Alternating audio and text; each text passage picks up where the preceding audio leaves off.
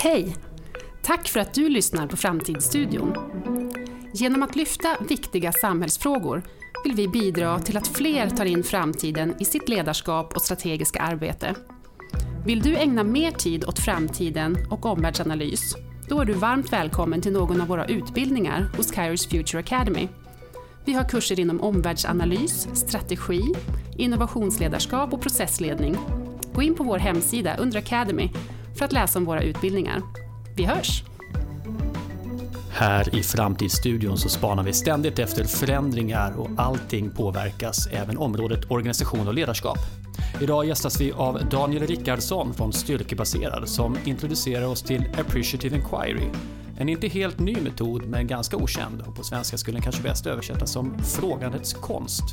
Vi ska få lära oss mer om hur det kan påverka kultur och ledarskap. Varmt välkomna till Framtidsstudion. Jag heter Fredrik Thorberg.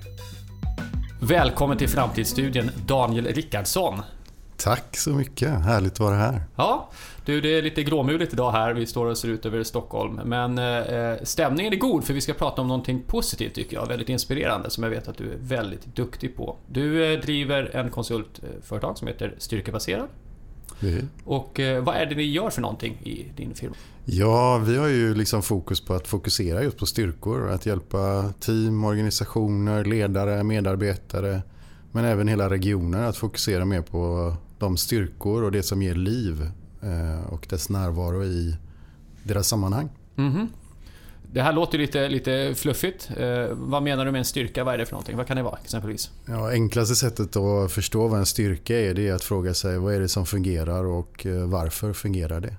Okay. Och när vi är i den, det utforskandet då kommer vi automatiskt komma i kontakt med det som är en styrka i ett sammanhang. Det som ger liv, det som ger energi, det som får just det företaget att eh, liksom, attrahera sina anställda eller få de som redan är anställda att, att känna att ja, men jag är på rätt plats. Det här är det värde vi skapar i världen är viktigt. Liksom. Mm. Ja, för det här liv du pratar om, vitalitet, det är liksom det som kännetecknar en bra arbetsdag bland annat, tänker jag. Ja, det är väl lite roligare att gå till jobbet om man känner att eh, det man gör är viktigt och att man har betydelse och det värde vi skapar gör en skillnad för de vi finns till för, tänker Mm. jag.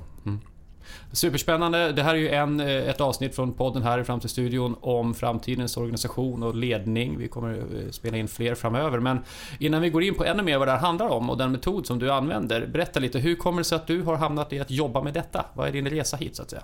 Jo, men det började med ett fokus just inom hälsa och friskvård och framförallt då det salutogena perspektivet. Vad betyder salutogena? Vad är det för något? Ja, det, är typ, det är en bra fråga. Liksom. Men det är, man brukar säga hälsan och eh, välbefinnandets eh, orsaker och ursprung. Ja, okej.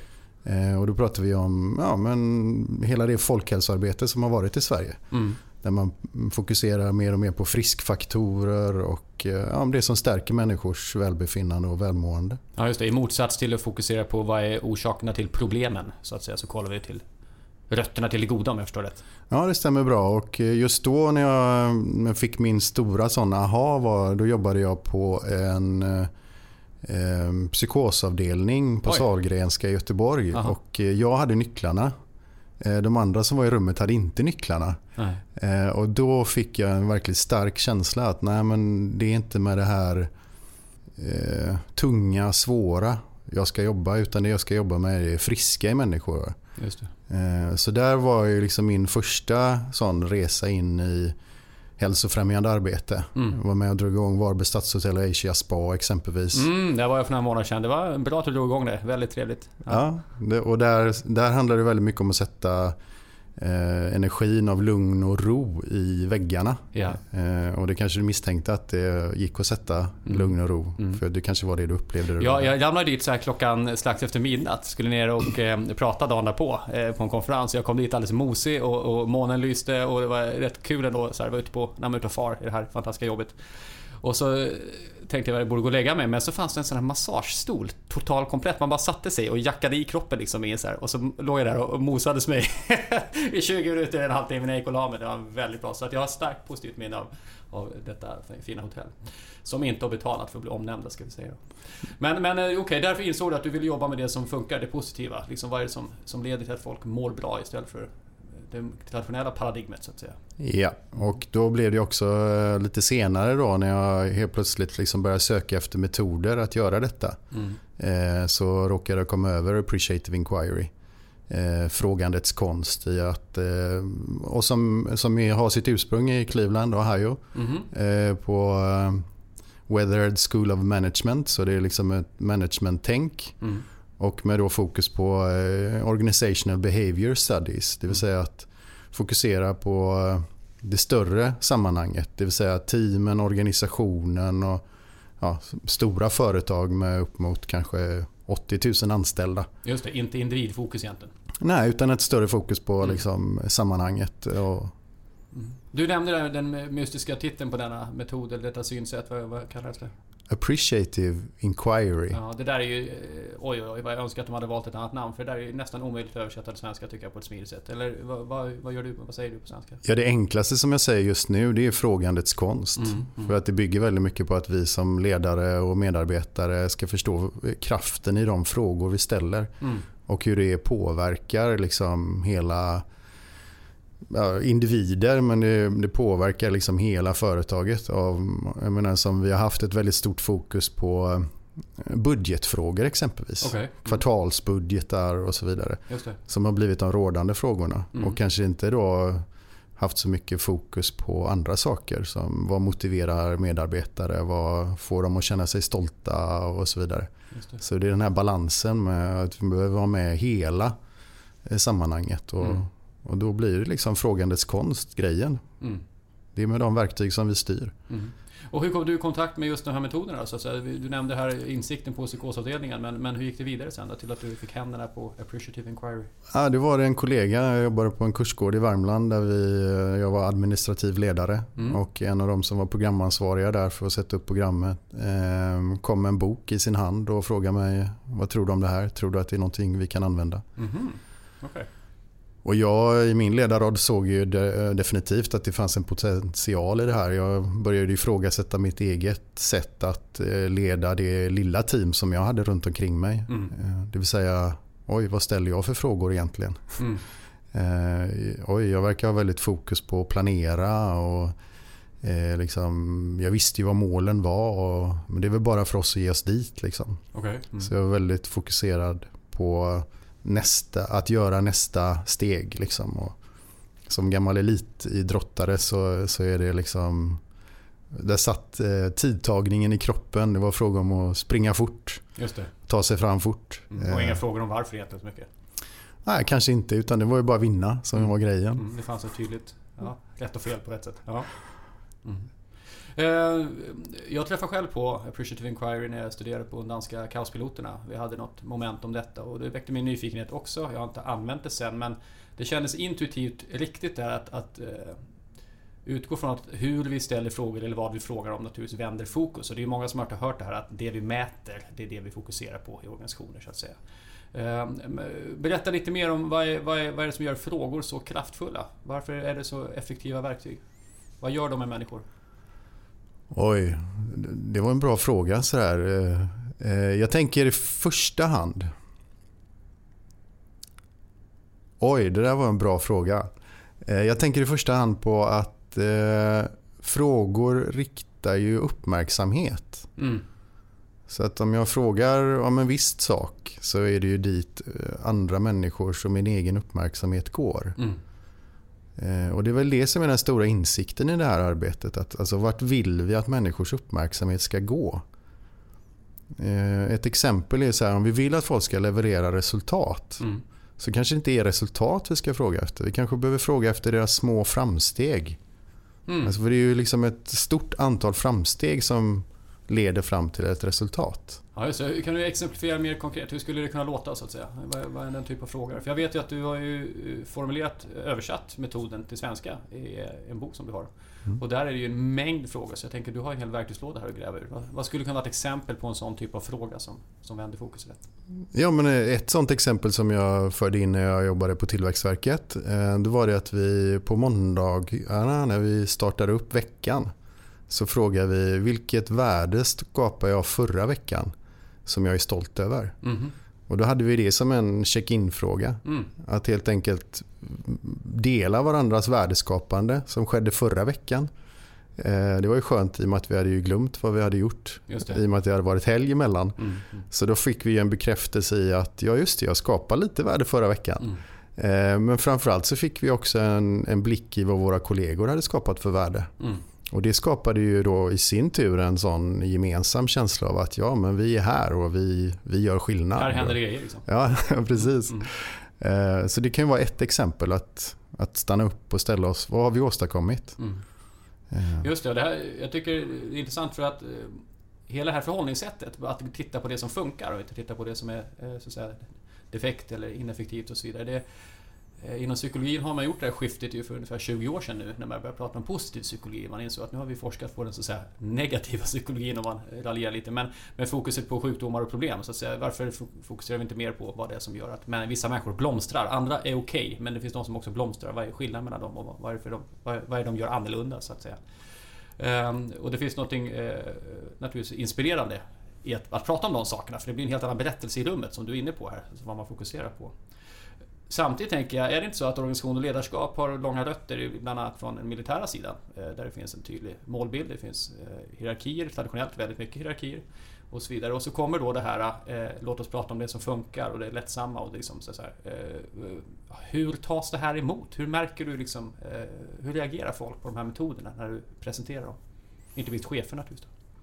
Jo men det, är- det är ju lite som du beskriver att vi har ju ett ledarskap som är kanske skolat in i väldigt mycket att kommendera och kontrollera. Mm. Och, alltså rent historiskt så har vi varit där. Och eh, mång, man träffar ju många sådana ledare som inte har förstått vikten av att eh, vi behöver ändra fokus. Mm. Att vi behöver liksom bli flerspråkiga brukar vara en bra metafor som jag använder. Okej. För att få ledare att förstå att, aha, just det, ja, det jag har lärt mig hittills med liksom att, att vi har experter och att ledarskapet handlar väldigt mycket om att man ska leverera svar och det är få som kanske känner till. Så just det där att man behöver lära sig ett, ett nytt språk. Mm. Att behärska liksom, ja, men hur kan jag bli mer inbjudande och Mm. hur kan jag vara mer inkluderande Mm. i mitt ledarskap, i de frågor jag ställer eller att efterfråga expertisen som finns ibland mina medarbetare och så vidare. Mm. Eh, Så det är just den här att, att få ledare att eh, utveckla sitt språk. Och det kan jag märka ibland att de ledare som har börjat på den här språkutvecklingsresan, Mm. att kunna bli bredare i sitt, i sitt ledarskap. Mm. De är ju mer nyfikna på att lära sig det här eh, styrkebaserade arbetssättet som Appreciative Inquiry är. Mm. Ehm, Så det är ju liksom så här, det finns early adopters, Mm. Mm. de som tidigt vill prova på att testa och utforska Mm. eh, att utveckla sitt ledarskap. De är ju mer på Ja. än de här mer traditionella sammanhangen. Jag tänker att det borde finnas en samband, alltså öppenheten för de här metoderna och den personliga tryggheten som ledare. För på något sätt är det ju ändå, om jag frågar folk om vad, vi, vad, som är, är gott och viktigt och framgång för dem så att säga, så, så dels är det en maktförskjutning. Det är inte jag som definierar nödvändigtvis vad som ska anses vara gott och eftersträvansvärt på det sättet. Och sen kan jag ju få lösningar och förslag på idéer framåt som, som inte är mina, eh, de vanliga trygga så att säga. Eh, Behövs det är det en utmaning för många? I så fall, vad kan man göra som chef för att liksom eh, börja gå på den vägen? Om det nu känns lite skrämmande att, att liksom sluta kolla vad som inte funkar och istället gå på det positiva. Vad kan man göra? Jo men det är ju, jag menar, om jag tittar på de flesta som jag har hört och jag tittar på min egen resa så handlar det väldigt mycket om självreflektion. Mm. Alltså vad händer i rummet när jag ställer en viss typ av fråga? Mm. Min, min egna upplevelse i det här arbetet var ju att eh, så som jag ledde så såg jag att folk tittade ner i bordet och var inte så intresserade av att ta egna initiativ. Mm. Och sen när jag började experimentera och testa att ställa andra typer av frågor Mm. eh, som var mer kanske så här, men vad har vi åstadkommit? Vilka framsteg har vi gjort? Mm. Istället för att fokusera på vad ska vi göra? Mm. Som inledande frågor och då helt plötsligt kunde jag ju se att folk såg ju stoltare ut. Mm. De tittade inte ner i bordet utan det fanns någon de kunde se att det fanns ett driv i deras kroppar och, och ögon och att de ville bidra. Mm. Eh, Så det är ju det att, att våga göra det där, att, som jag säger, att ställa en ny typ av fråga och se vad det är för resultat. Och så märker man att oj, det funkar inte. Ah, Okej, testa en ny. Mm. Eh, men att man inte bara fastnar i sina gamla rutiner av att ställa samma frågor. Mm. Så det tror jag är det första, liksom, självinsikten. Så mm. Vad håller jag på med och vad ger det för konsekvenser? Jag tänker också att, eh, jag tolkar det som att den här metoden, Appreciative Inquiry, utgår också från idén om att människor Eh, uppnår resultat och presterar snarare utifrån kanske ett inre tillstånd än utifrån en plan. Det behöver inte vara ett antingen eller, men om vi förr då har fokuserat mycket på hur ska vi göra och hur går det med det och vad har gått fel, vad måste vi korrigera så att säga. Så det känns som att den här metoden snarare försätter folk i ett inspirerat tillstånd och med den inspirationen så kommer det hända saker som i många fall rimligtvis blir rätt för folk vill göra rätt och vara med och bidra.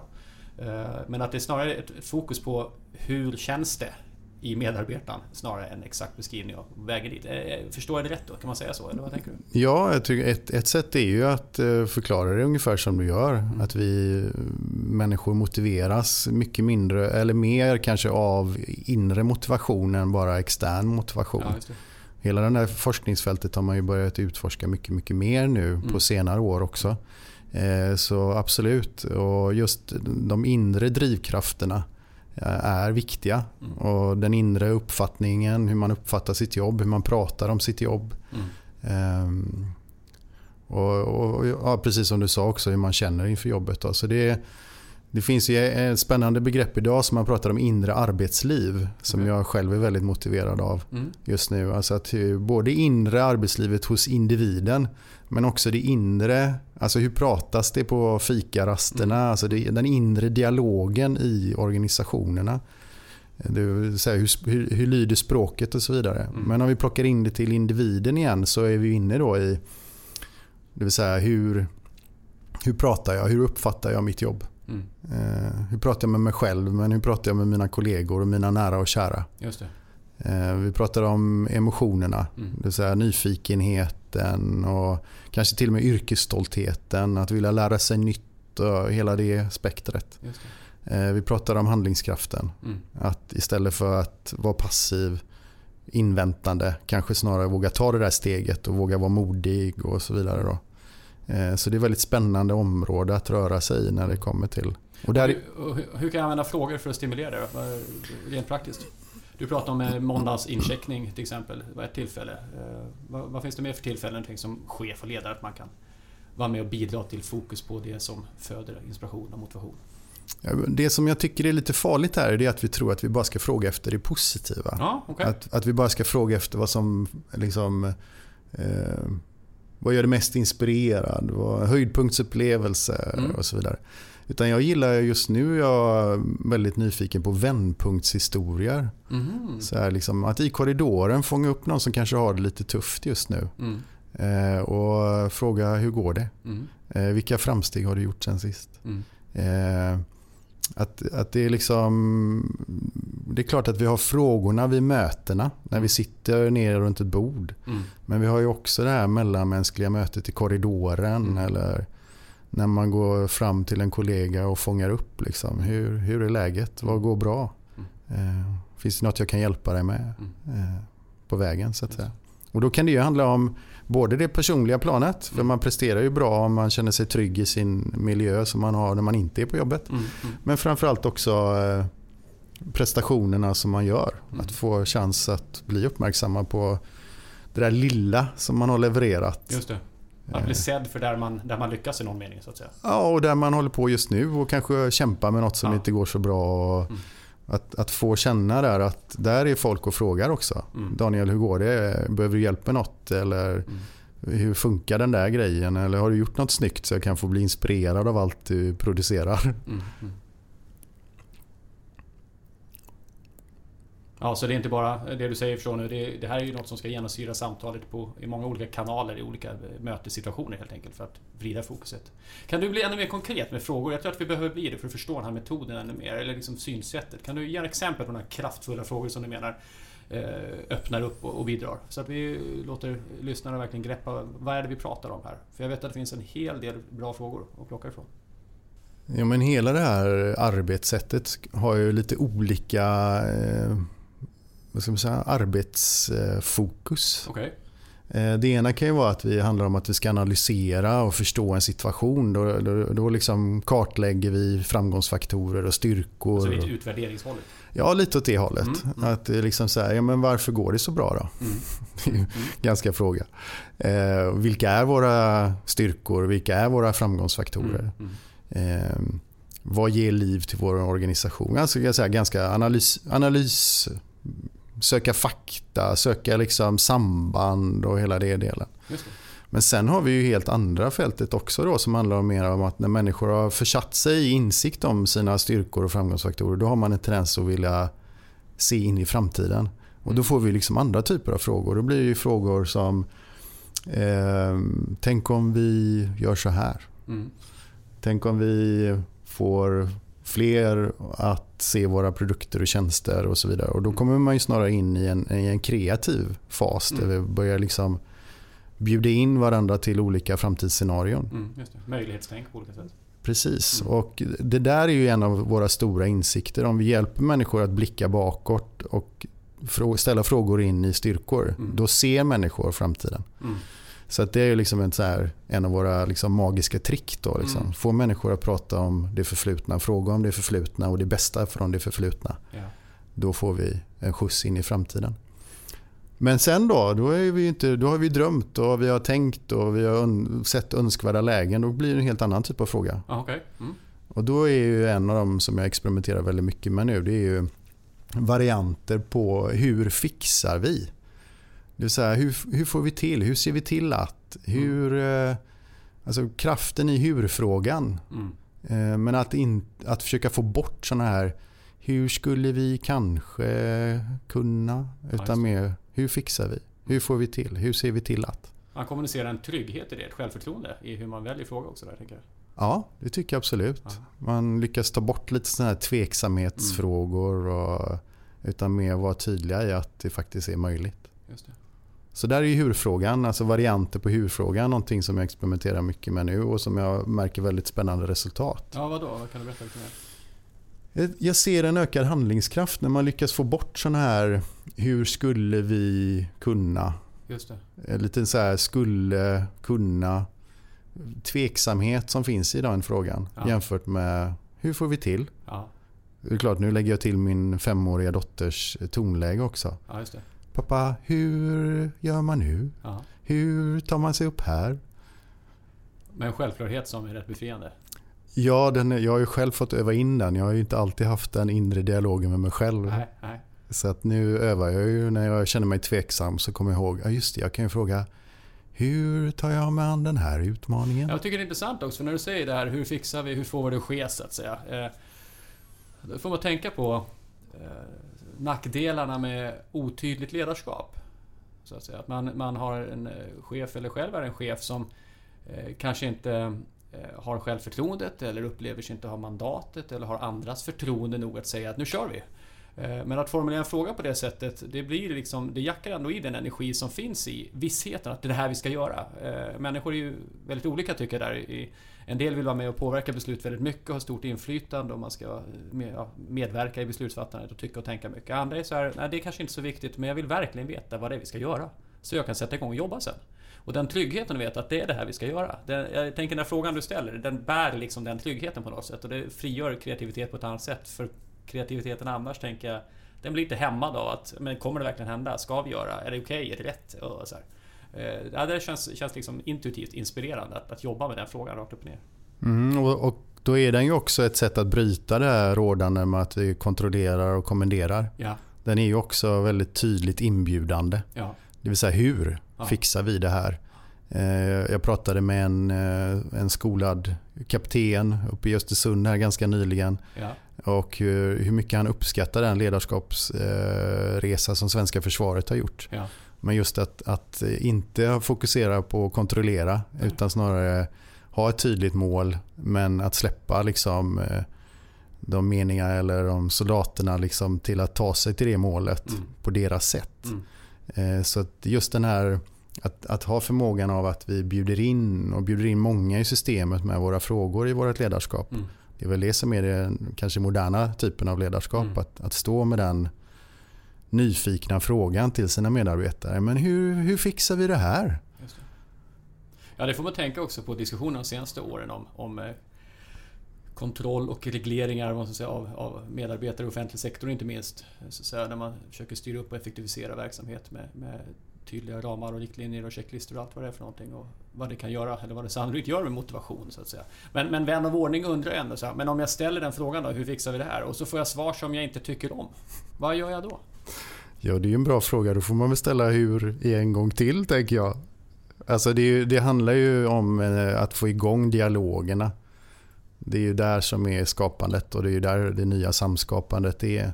Ja. Vi har ju, precis som du nämnde, den här eh, resan vi har gjort med New Public Management som, som av norrmännen nu har kastats ut okay. väldigt tydligt även från politiskt håll.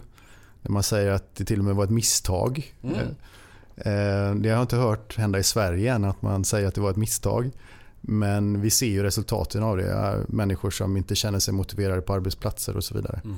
Och hela tillitsdelegationens arbete med att, att lyfta in ja, men hur kan vi styra med tillit igen. Och, och då handlar det om att få igång dialogerna.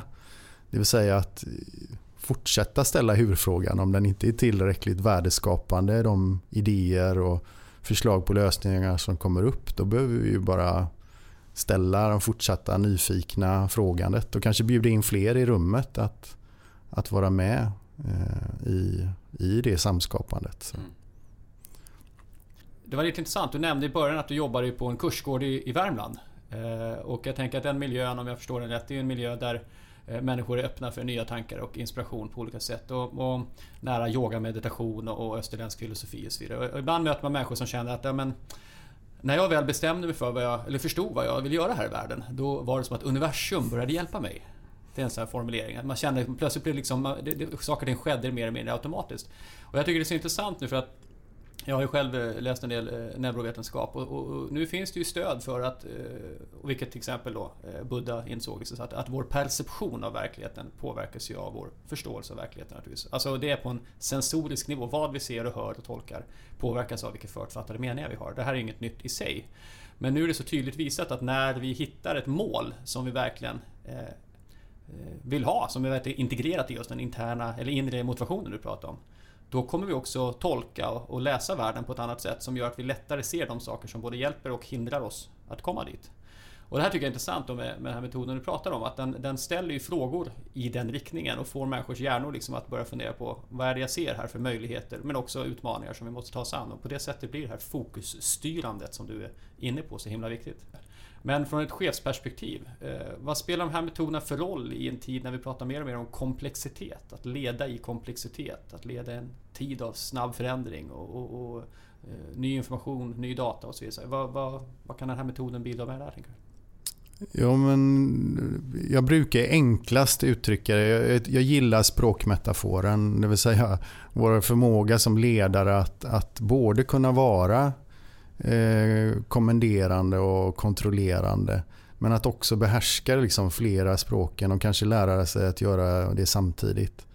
Vi, jag skriver just nu på en, eh, ett bokkapitel i en kommande bok kring kvalitet och ledarskap där vi belyser fyra olika paradigm som kvalitetsrörelsen har rört sig i. Mm, spännande.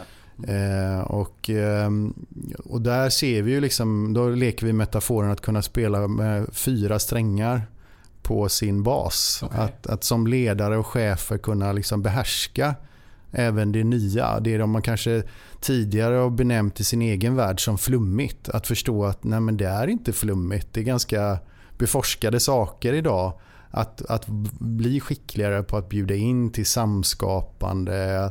Det finns väldigt tydliga metoder. Bara i vårt sammanhang så finns Appreciative Inquiry Summit som är strategisk eh, mötesform under fyra, eller man kan köra på två dagar, man kan köra på en dag. Men där man gör sin strategiska planering tillsammans. Eh, kanske då 400 anställda i rummet. Mm, mm, men, men då bryter vi det rådande att det är få som ska vara experter. Ja. Som ska sitta och besluta och sen ska, så ska det lanseras till resten av organisationen. Mm. På de här tre, fyra dagarna så alla har ju hört allt. Det. Så det finns liksom massor med tidsbesparande eh, mm. aktiviteter sen efteråt. Mm. Eh, så så att, eh, det är väl det som är vår stora uppmuntran från det forskningsarbete vi gör och den praktik vi gör. Att det är att våga bli flerspråkig. Mm. Att behärska allt ifrån Eh, vi pratar om mindfulness-baserade metoder som du nämnde som lite yoga, qigong och självreflektion eller meditation eller vad man gör. Mm. Att, jag menar, det börjar ju bli mer populärt även på arbetsplatser idag att man förstår att den delen av människan behöver vara med. Men att fortsätta om man har sina styrkor att vara kommendera en kontrollerande, vara stolt över de styrkorna och se att ja, men det, är, det är bra ledarskapsegenskaper. Eh, men sen att då kanske ge sig in i de här fälten som man inte har varit då. Mm. Eh, och gå någon språkkurs. Mm. Att lära sig liksom ställa nya typer av frågor, att fråga efter inte bara budgetuppföljning, resultat utan kanske börja fråga efter framsteg. Mm. Eh, som det är eh, något som jag rekommenderar nu. Att liksom bara försöka få chefer att förstå. Ja just det. 10 framsteg. Alltså 10 plus 1 plus 1 plus 1 liksom. Mm. Ger ett resultat. Mm. Så vad händer om jag bara droppar resultatfrågan och frågar efter det där första framsteget och det andra framsteget. Vad får jag då för ny motivation i mina medarbetare? Mm. När de får berätta vad de har åstadkommit och vad de har gjort.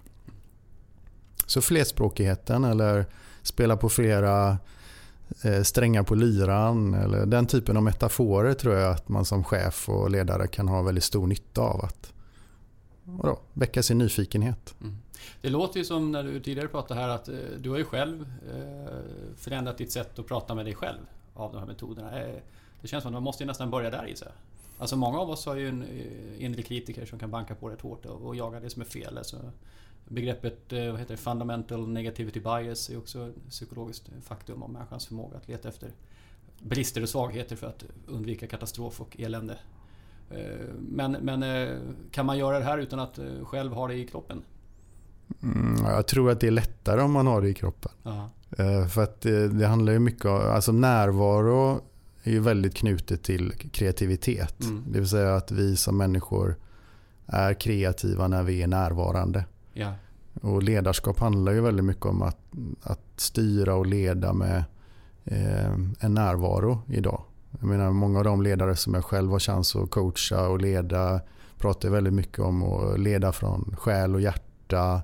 Eh, ja, det finns liksom många sådana uttryck som jag hör bland de ledarna. Att mm. vi, det handlar om att inte bara vara uppe i huvudet och eh, lyssna på alla de där inre kritikerna eller inre pusher eller vad man nu kallar dem. Mm. Eh, som får oss att, att bara vara eh, i en del av oss som människor. Vi kanske behöver komma ner i hjärta, vi kommer komma ner i mage och i, i benen mm. i vårt ledarskap. Eh, så det är ju för att kunna vara kreativa och flexibla. För det är väl det som troligtvis eh, världen eller klimatet eller tillvaron kommer kräva av oss. Att ta kloka beslut i närvaro. Mm. Eh, för helt plötsligt så brinner det lite skogar här i Sverige eller så regnar det för mycket. Eller, vi vet ju inte hur det kommer se ut. Nej. Men när du säger närvaro, vad menar du då? Kan du beskriva det närmare? Ja, vad händer just nu? är väl den klassiska frågan att använda sig av. Mm. Att, liksom, att få in uppmärksamheten. Eh, vad händer i min kropp just nu? Eh, men vad händer i rummet just nu? Mm. Eh, att, att liksom börja få in den frågan i sitt iakttagande och sin perception eller sin uppfattning. Så att, jag, menar, jag som ledare går in med den här typen av energi eller jag går in med den här typen av frågor. Oj, alla tittar ner i bordet. Mm. Eh, Okej, okay. vad händer om jag ändrar? Ja, som jag gjorde i mitt fall. Mm. Gick in med andra typer av frågor om vad har vi åstadkommit? Vad är vi mest stolta över? Mm. Och såg att ja, men folk blev ju, fick ju lite rödare kinder och mm. de tittade uppåt istället för ner i bordet. Och, mm. Så det är ju den, den närvaron, att, att liksom vara här och nu och upptäcka vad, liksom, vad, får, vad får mina beteenden för konsekvenser. Det låter som att det har lite med empati att göra bland annat. Absolut, och nyfikenhet mm. framförallt. Så vad, vad händer? Mm. vad händer när vi gör på ett visst sätt? Vad händer när vi leder på ett annat sätt? Vad, och sen, sen är det ju det spännande att börja mäta de här sakerna. Men ett sätt att börja mäta det är att man ser hur länge folk stannar på sina arbetsplatser. Hur, hur snabbt de slutar. Eh, ja, just det. Behållningen av anställda så att säga. Ja, slippa nyrekrytering och allt vad det kostar. Och, ja, men det är ju liksom, man kan ju alltid argumentera för men hur ska vi mäta vår framgång och så vidare. Mm. Och inom de här områdena så tror jag det handlar väldigt mycket om hur trivs våra anställda? Hur länge stannar de? Mm. Och så vidare. Jag vet att du rör dig också med begreppet psykologisk trygghet på arbetsplatsen. Ja, det är, är det det är ett spännande fält. Ja, berätta Eh, mer. berätta mer. Psykologiska tryggheten. Alltså, vi pratar ju om trygghetskommunikation kon- kontra hotkommunikation. Det vill säga i hotkommunikation då kanske jag liksom är rädd för att vad kommer folk tycka om mig och vad händer om jag verkligen säger vad jag tycker och tänker och så vidare. Den psykologiska trygghetsforskningen startade ju, tror jag, slutet på förra århundradet. 1999 tror jag forskningen blev ganska känd. Okej. Mm. Men det var först nu när Google gjorde sitt arbete om att titta på när fungerar team som allra bäst. Mm. Och då såg man så här, ah, psykologisk trygghet är troligtvis det vi upplevt. Mm. Och det handlar ju väldigt mycket om att människor känner sig trygga med att eh, uttrycka sina åsikter Mm. eh, utan repressalier. Mm. Det vill säga utan att känna oro eller så. Eh, och så på så sätt så blir det ju en viktig aspekt att, att skapa en, en trygg tillvaro där människor vågar komma med idéer Mm. men också vågar säga till när man är på väg åt fel håll Mm. tillsammans i sina organisationer. Och då tänker jag en följdfråga på det förstås är ju så här, ja, men hur skapar man den tryggheten? Om jag tycker egentligen det är intressant att titta på vad är det för orsaker, drivkrafter, liksom inre mekanismer som gör att vissa har svårare att skapa den otrygghet, eller tryggheten? Vad, vad är det som liksom vad, vad kan vara orsaken till att man som ledare inte lyckas etablera den? Man kan ju själv tycka att man är öppen och lyhörd och så vidare. Men, men eh, vad kan man göra som ledare utifrån sig själv? Att påverka sig själv för att skapa den? Vad, vad tänker du om det? Mm, ja, vad tänker jag om det? Den frågan var svår. Mm. Då skippar vi den. Eller så tänker du till. lite. Men, Ja, mi- mitt första svar blir, jag, jag kollade på julkalendern här i, i, i år, Mm. eller förra året. Eh, och då var det ju en livscoach där. mm. Så eh, lite skämtsamt då så eh, är det väl den där skaffa sig sin eh, coach. Eh, Mm. Men jag tror inte att det är det som behövs. Eh, det är klart att det kan vara bra att ha den där eh, mentorn. Ehm, så att det, menar, det är ett förslag att liksom hitta de mentorer eller bli en mentee igen även om man är chef liksom, Mm. på just de här områdena. Det, är- det är väl ett steg. Och lära av någon som helt enkelt är vassare på det. Ja, lite så. mm, Hitta liksom de eh, från andra organisationer då. Mm. Liksom se, ja, men har du börjat jobba på det här sättet? Och så Mm. liksom hitta det här kunskapsutbytet och våga vara öppna och ärliga med varandra vad som går bra och vad som inte går bra. Mm. Eh, Det tänker jag är liksom ett, ett sätt att börja liksom lära från andra helt enkelt. Lära från förebilder. Mm. Och det kan ju vara allt ifrån att lyssna på bra poddar. Mm. Det här är ju ett exempel på Mm. att kunna lyssna på era inspirerande poddar. Mm. Eh, Men det finns ju väldigt mycket som sprids just nu Mm. som är lättillgängligt. Då. Mm. Det finns, eh, ja. Så att liksom fylla på att, att ta sig tid. Mm. För det är väl ett, ett av de rådande mantrarna i svenskt arbetsliv tror jag. Jag har inte tid. Mm. Och att byta det mantrat till att kanske säga jag har tid. Mm. Och lyssna på den här podden eller eh, läsa den här delen även om det bara är 10 minuter på tunnelbanan. Mm. Mm. Mm. Jag ställer frågan också, för det du beskriver tänker jag och det som Appreciative Inquiry eh, är en del av. Jag tycker att det är en rörelse där ledarskap ställer allt högre krav på psykologisk förståelse och kompetens. Att fatta människor mera. Du pratar om dina, de ledare som du möter som pratar om hjärtat och, och, och själen och så vidare. Det, eh, det blir mer vad man förr kanske kallar de mjuka värden och, och kapaciteter som, som eh, spelar roll. Är det din bild också att rörelsen är ditåt? Så att säga? Och vad ställer det i så fall för krav på, på chefer idag? Jo men det är ju uppenbart eh, att vi har liksom en ett, eh, ökad förståelse och insikt om att hela människan spelar roll. Mm. Eh, Så jag tror ju att det handlar om att, att vara den här skickligheten, att behålla de styrkorna man har som ledare med att följa upp och fokusera på liksom resultat och så vidare. Men sen också den här andra delen att förstå att den är så viktig. Mm. Att de psykologiska aspekterna är avgörande för människors uppfattning om deras arbetsplats. Mm. Hur de pratar om den och vad det får dem att leverera. Mm. Men det finns ju tydlig forskning som visar att, att vi har eh, typ människor upplever att de kanske så lågt som 20% använder sin kapacitet och sina styrkor i, på arbetsplatser. Mm. Då har vi liksom 80% outnyttjad potential. Mm. Och det, jag var uppe i Östersund här och pratade med, inom tillverkningsindustrin. Liksom att, Mm. ja, men nu är det AI och det är, det är liksom, vi ska rationalisera, förbättra våra produktionsflöden och så vidare. Mm. Men det är fortfarande ett antal människor som ska programmera alla de här grejerna. Och hur, hur mycket av deras potential är idag outnyttjad? Mm. Och vad får vi då för... Om vi ökar det till 40% Mm. vad, vad kommer vi då producera? Liksom? Mm. Så att, ja. Ja, det kan man tänka sig i ett arbetsliv där med eh, Svenskt arbetsliv har sina utmaningar men i en global jämförelse så är det ett ganska gott ställe att jobba på. eh, Så att säga, med arbetsvillkor och trygghet och arbetsmiljöer och så vidare. Och när alla, eller många organisationer eh, är likvärdiga i det så blir förmågan då, som du är inne på, att, att hitta den här ta de här ytterligare eh, procentenheterna av potential och få dem bli verkliga. Det blir det som blir eh, konkurrensmedel också mellan organisationer. Naturligtvis. I allra högsta grad och, och sen just den effekten som du får också då på att när människor kommer in i sin yrkesstolthet Mm. och, och blir efterfrågad för den. Mm. För det är väl det som man har, i, framförallt i offentlig sektor, hört väldigt många historier om. Just hur, hur läkare inte känner att de blir sedda för sin kompetens utan Mm. de tvingas in i system Mm. som de inte känner och då flyr de istället. Mm.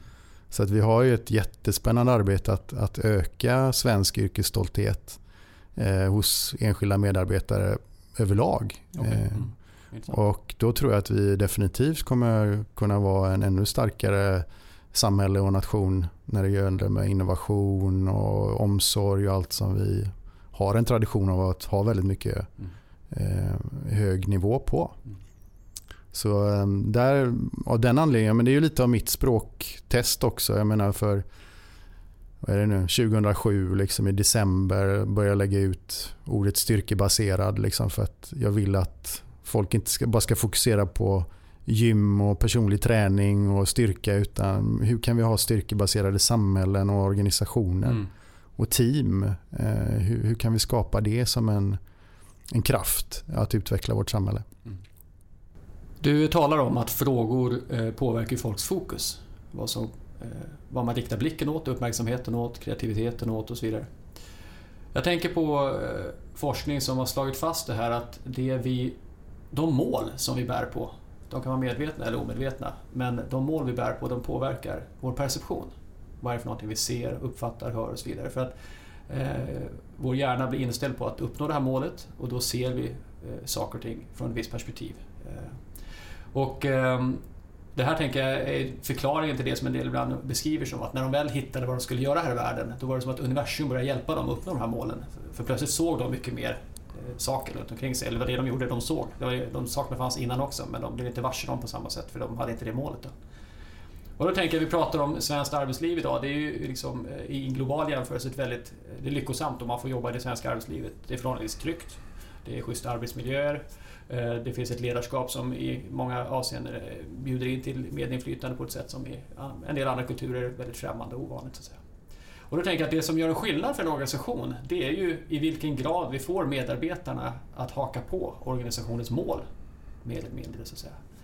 Eh, och det tycker jag är intressant att tänka sig att de här processerna som du talar om, där vi använder frågor och medskapande utifrån ett, ett perspektiv där vi, eh, vi ska fixa det här, vi, vi ska lösa någonting, vi ska göra någonting, vi, vi utforskar det eh, ökar chansen att medarbetarna liksom alignar med organisationen. Alltså eller att de alignar med varandra, kommer på samma linje, som är överens om målet. Och det kommer påverka både samtal och perception. Eh, och då blir jag lite nyfiken på eh, du pratar om processer här där eh, många människor samtidigt är med och har en strategiprocess. Kan du berätta lite mer om hur det går till? Och, och, och håller du med om den här beskrivningen? Är frågeställandet ett sätt att få människor att alltså öka chansen att man faktiskt får samma mål och därför får liksom en mer eh, riktat fokus? Hela arbetssättet med exempelvis en Appreciative Inquiry Summit som pågår under två, tre dagar eller som man kan, man kan stressa ner på en dag också Ja, okej. om man vill. Eh, Bygger väldigt mycket på att eh, individerna också är med att skapa målbilderna. Ja. Så hela din idé och tanke är om att, eh, att, att få den här gemensamma riktningen och den har ju också uppstått tack vare att man som medarbetare också har varit med och föreslagit det där. Tänk om vi Mm. skapar det här och det här. Mm. Och sen att man ger sig in i en kortare designsprint tillsammans och gör liksom en prototyp på det och så vidare. Mm. Och så, Om vi pratar produkt och tjänst. Ja, en produkt eller tjänst. Men det kan ju vara en skiss också på hur vi ska utföra ett nytt tjänsteflöde eller Mm. Mm. och så vidare. Men att, att det finns ett prototyptänk och då har vi ju liksom det här som amerikanerna kallar för buy-in. Det vill säga att jo, men vi har köpt det här. Mm, det. Vi, vi, jag, Som vi, medarbetare liksom. Ja. ja, vi tror på det här. Det här känns, jag är delaktig här. Jag kanske till och med var med och, och föreslog Mm. riktningen. Mm. Så då blir det ju snarare en bo, alltså med, I och med att man går in i den strategiska planeringen så är det ju en top-down strategi. Mm. Att nu låt oss planera tre, fyra dagar tillsammans. Mm. Eh, men det är ju också en bottom-up, alltså nerifrån och upp Mm. grej. Så att det är ju att man, eh, David Cooperrider brukar uttrycka det som både och då. Liksom. En top-down process, but also bottom-up. Mm. Så att vi möts liksom både ledning och medarbetare. Mm. Eh, och, och då får vi en större, större engagemang och större lust att, att gå mot de här gemensamma målen. Då blir det ju snarare än att det blir att någon annan har satt upp målen och så ska man försöka få med folk att gå på de målen. Ja, så det är ju hela den här medskapande, samskapandet av målbilder. Mm. Och då får vi absolut en, en tydligare riktning tror jag. Mm. Jag tänker också, folk blir ju som man förväntar sig många gånger. Alltså har jag en låg förväntan på din kapacitet eller, eller fokuserar på det som är fel, ja, då, då spelar man ofta med eh, omedvetet på den förväntan. Och det, där har man som chef ett väldigt stor möjlighet och eh, ansvar egentligen. Vad är det för bild som jag speglar tillbaka på den här individen så att säga? Eh, Absolut, men du är inne på jättemånga väl beforskade liksom, psykologiska fenomen. Mm. Det vill säga det vi förväntar oss av andra människor är oftast vad vi får se dem Mm. visa. Och, Mm. Så att det är hela den här... Ja, enklaste ordet för, som jag oftast använder är ju energin. Det vill säga att vi har ju en energipåslag i oss själva. Mm. Eh, som gör att vi orkar leverera Mm. och, och prestera och så vidare. Så att det här med organisationers energi är ju också ett, ett fält som är beforskat som är väldigt, väldigt spännande. Mm. Energi för en organisation, hur, hur mäter man det? Ja, nu kommer jag inte ihåg eh, författarna på den, den forskningen men de har lite härliga, de ställer lite härliga frågor i en enkät och så får man ett, ett fint svar. Eh, Så det är väl ett sätt att mäta det på. Eh, Men Ja, det är självskattningar av upplevelsen av vitalitet på något sätt. ja, Mm. alltså känner jag att jag har energi eller har Mm. inte. Mm. Men i vardagen så kan man ju bara börja fundera på vad ställer vi för frågor till varandra. Mm. Vad, vad ger oss kraft? Vad, alltså att vi får helt andra typer av samtal på våra fikaraster. Och, Mm. eh, en, en spännande fråga är så här, men vilket värde skapar vi för dem vi finns till för? Mm. Jag menar, hur, hur många pratar om den på senaste fikarasten? Mm. Eh, Så det är ju där, hur, hur vågar vi ställa nya typer av frågor och, i olika sammanhang? Och, Mm. Och därmed skapa nya dialoger och nytt fokus och kanske ny stolthet över vad ens organisation åstadkommer och, och så de följdeffekterna det får. Mm. Vi pratar ju väldigt mycket om smitta. Just det. Det är ju, Psykologisk smitta. ja, precis. Mm.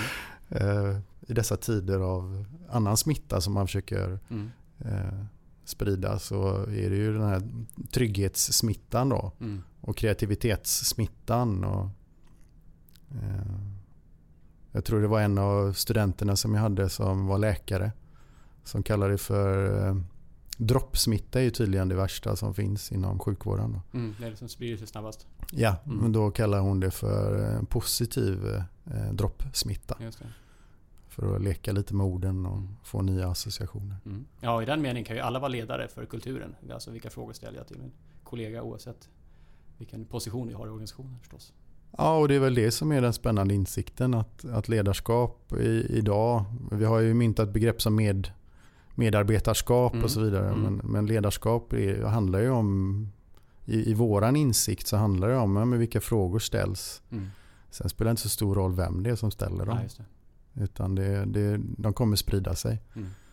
Eh, och smitta då. Mm. Och förhoppningsvis i en livgivande riktning. Mm. Eh, och vad som ger Öka kreativitet och handlingskraft. Mm, mm. Du, det börjar bli dags att runda av här så jag tänkte se, förutom Appreciative Inquiry som vi har pratat om här nu, eh, frågandets konst och potentialen i att vrida eh, folks fokus mot det som eh, funkar, det som eh, förlöser nya idéer och, och, och stolthet. Och, vad tror du är framtiden för organisationsutveckling och ledarskap? Väldigt bred fråga. Men ser du några andra trender, rörelser? Vi har pratat lite om psykologisering på något sätt av det här området. Men ser du någonting annat? Vad har vi framför oss? Eh, ja, men det vi ser redan som en trend är ju framförallt eh, mindfulness-baserade fältet. Okay. Qigong, mm. yoga, hela den delen. Att, att få ge det som ett stöd för eh, både chefer och medarbetare. Mm. Det andra spåret som jag ser väldigt tydligt är ju det som kommer med design thinking och designsprintarna framförallt. Ja. Där man liksom bara på fyra dagar har kunnat verkligen komma fram till, göra en djupanalys, komma fram till en tydlig prototyp och till och med testa den på fyra dagar. Mm. När man tidigare liksom hade kanske utvecklingscykel på ett år. Eh, så att hela det, hela det mindsetet och framförallt de arbetssätten att de kommer kunna sprida sig in i fler sammanhang. Mm. Det tror jag definitivt. Um, och att våga testa det och våga förstå att um, det kan gå på fyra dagar tills vi skrotar en idé. Mm. Istället för att gå och tänka på dem i, i, i månader eller år. Ja.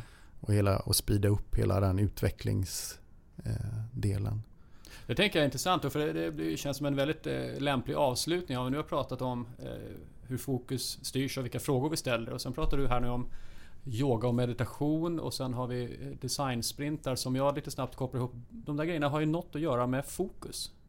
Alltså eh, mental hygien kanske man ska säga. Alltså i en tid av otroligt mycket distraktion och störningar. Så att säga, yoga, meditation, samla sig, eh, vara inne i sig själv, eh, lyssna på, eh, på det inre samtalet och stilla det, lugna det. Och sen har vi då sprintarna som under en kort period fokuserar någonting väldigt intensivt.